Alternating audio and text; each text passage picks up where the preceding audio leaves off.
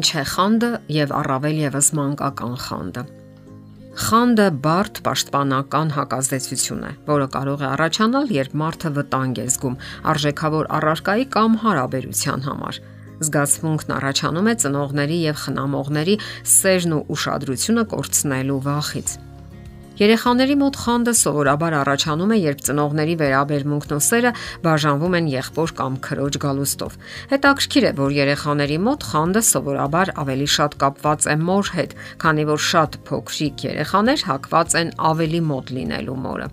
Դա այն զգացումն է, երբ երեխային թվում է, թե ծնողներն արդեն ավելի քիչ են սիրում իրեն եւ պակաս ուրախadir են իրենց հանդեպ։ Ավագ երեխան պարզապես ցանկանում է ստանալ այն նույն ուշադրությունն ու սերը, որից օգտվում էր մինչ այդ։ Իսկ բազմազբաղ ծնողը այժմ բնականաբար նոր հոգսերի եւ նոր պարտականությունների տակ է։ Սակայն միանգամայն հնարավոր է երեխային նախապատրաստել ընտանիքի համալրմանը։ Անհրաժեշտ է նրա հետ քննարկել այն առանձնահատկությունները, որ ունի նորածինը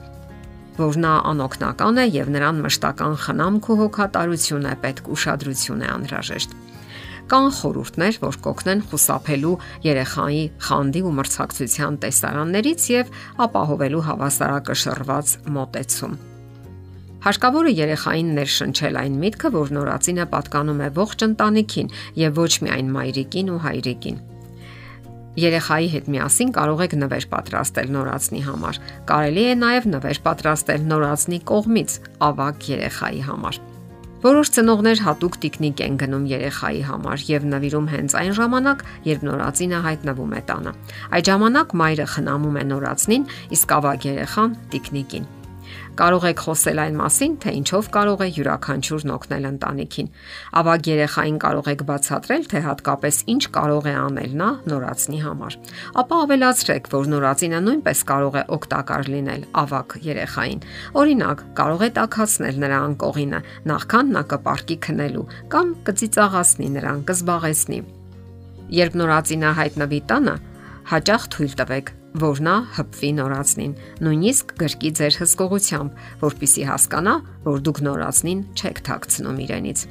Ցանկալի չէ, որ ավագ երեխան ներկա գտնվի նորածնի եւ ծնողի առանձնահատուկ շփումներին։ Դա կարող է լինել երեխայի տակը փոխելը, նրան լողացնելը, կրծքով կերակրելը եւ այլն։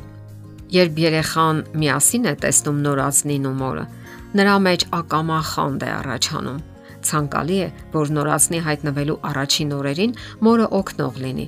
որpիսի մայրը ժամանակ ու հնարավորություն ունենա ավակի հետ շփվելու համար եւ նա համոզված լինի այն բանում, որ իրեն առաջվա նման սիրում են։ Պատրաստ եղեք, որ ձեր սերը ստուգում կամ փորձարկում անցնի։ Փոքրիկ երեխաները հաճախ են ստուգում ծնողների սերն այն ժամանակ, երբ տանը նորածին է հայտնվում։ Նրանք տեսնում են, որ հայրն ու մայրը ավելի շատ ժամանակ են անցկացնում նորածնի հետ եւ խորապես ազդվում են փոխված իրավիճակի համար։ Եվ ահա նրանք սկսում են ստուգման ենթարկել ծնողների սերը։ Կարող են արգելված արարքներ գործել, ցուցադրաբար գնալ այնտեղ, որտեղ իրենց չի թույլատրվում, արտնասնել նորածնին եւ այլն։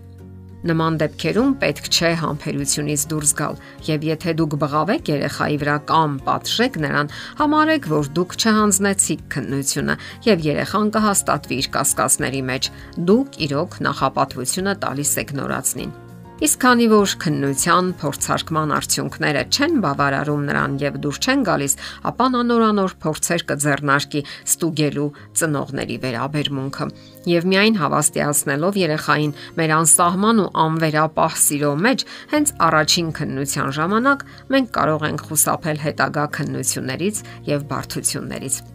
Պարզապես հարկավոր է ցրել նրա կասկածները։ Ինձ թվում է, որ դու կարծում ես, թե ես ավելի շատ եմ սիրում քո փոքրիկ քույրիկին, այն պատճառով, որովհետև նրա հետ ավելի շատ ժամանակ եմ անցկացնում եւ դու դրա համար կոտրել ես քո խաղալիքը։ Դու սխալվում ես։ Ես քեզ շատ եմ սիրում եւ շարունակելու եմ սիրել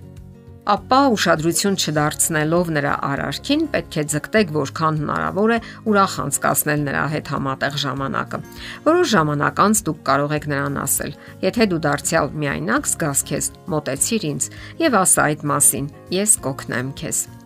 Երբեմն կարող է ցանկություն առաջանալ պատժելու երեխային, սակայն եթե դուք տրվեք ձեր զգացմունքներին, երեխան դարձյալ փորձության կենթարկի ձեր սերը։